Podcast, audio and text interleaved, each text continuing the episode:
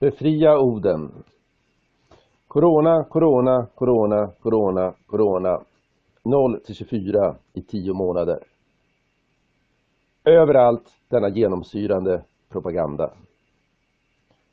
Miljarder människor fjättrade framför idiotburken. Sittande där som i trans. Lyssnande. Sväljande i sin enfald övertygade om att det förmedlas sanningen. Miljoner människor marscherande i led med munkorg.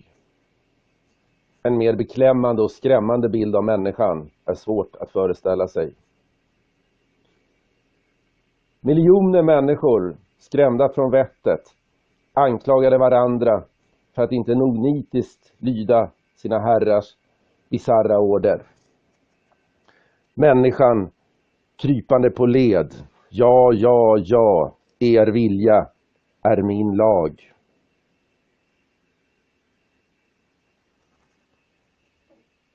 Människan bönande och bedjande inför det altare där hennes egna barn snart ska offras. Den extrema lydnadens tid är också den stora förnedringens tid. Själva bilden av människan har smutsats ner av bristen på heroism och överflödet av dess motsats. Vår bestämmelse var en annan. Under enorma tidsrymder levde människan fri. I gamla tider ansågs att stänga in någon bara ett nidingsdåd och något bara uslingar ägnade sig åt. En god man räddade sig själv och tog ingen skit. Och något så perverst som idén om ett våldsmonopol har bara existerat under en mycket kort tid i mänsklighetens historia.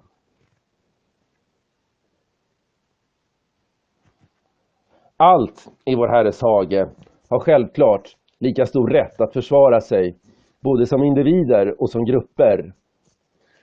När någon vill ta sig rätten över era kroppar, när någon tror sig ha rätten att hindra er från att träffa era nära och kära, när någon tar ifrån er ett levebröd, då har denna någon tagit ifrån er det allra viktigaste i livet och ni har blivit livegna.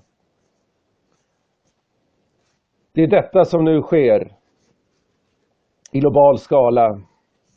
Människor fångas in i follor, öronmärks, sorteras och skickas till slakt. Men långt ner i våra djupaste skikt av själen är det något som skriker, något som vrålar, något som håller på att explodera.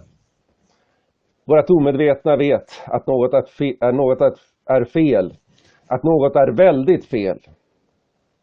En del väljer att tränga bort denna djupa vrede och projicera den mot budbärare och kättare istället för mot sina verkliga förtryckare. Men detta är egentligen mycket föraktligt och ovärdigt människan.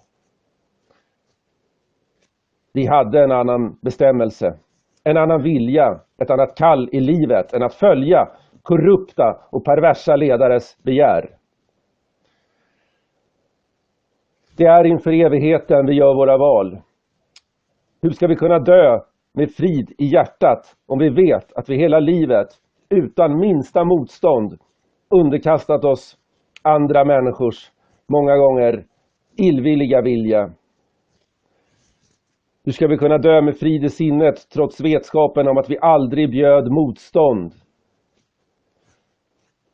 Hur ska vi kunna se på våra barn och barnbarn om vi vet att vi svek i den stund när det verkligen gällde?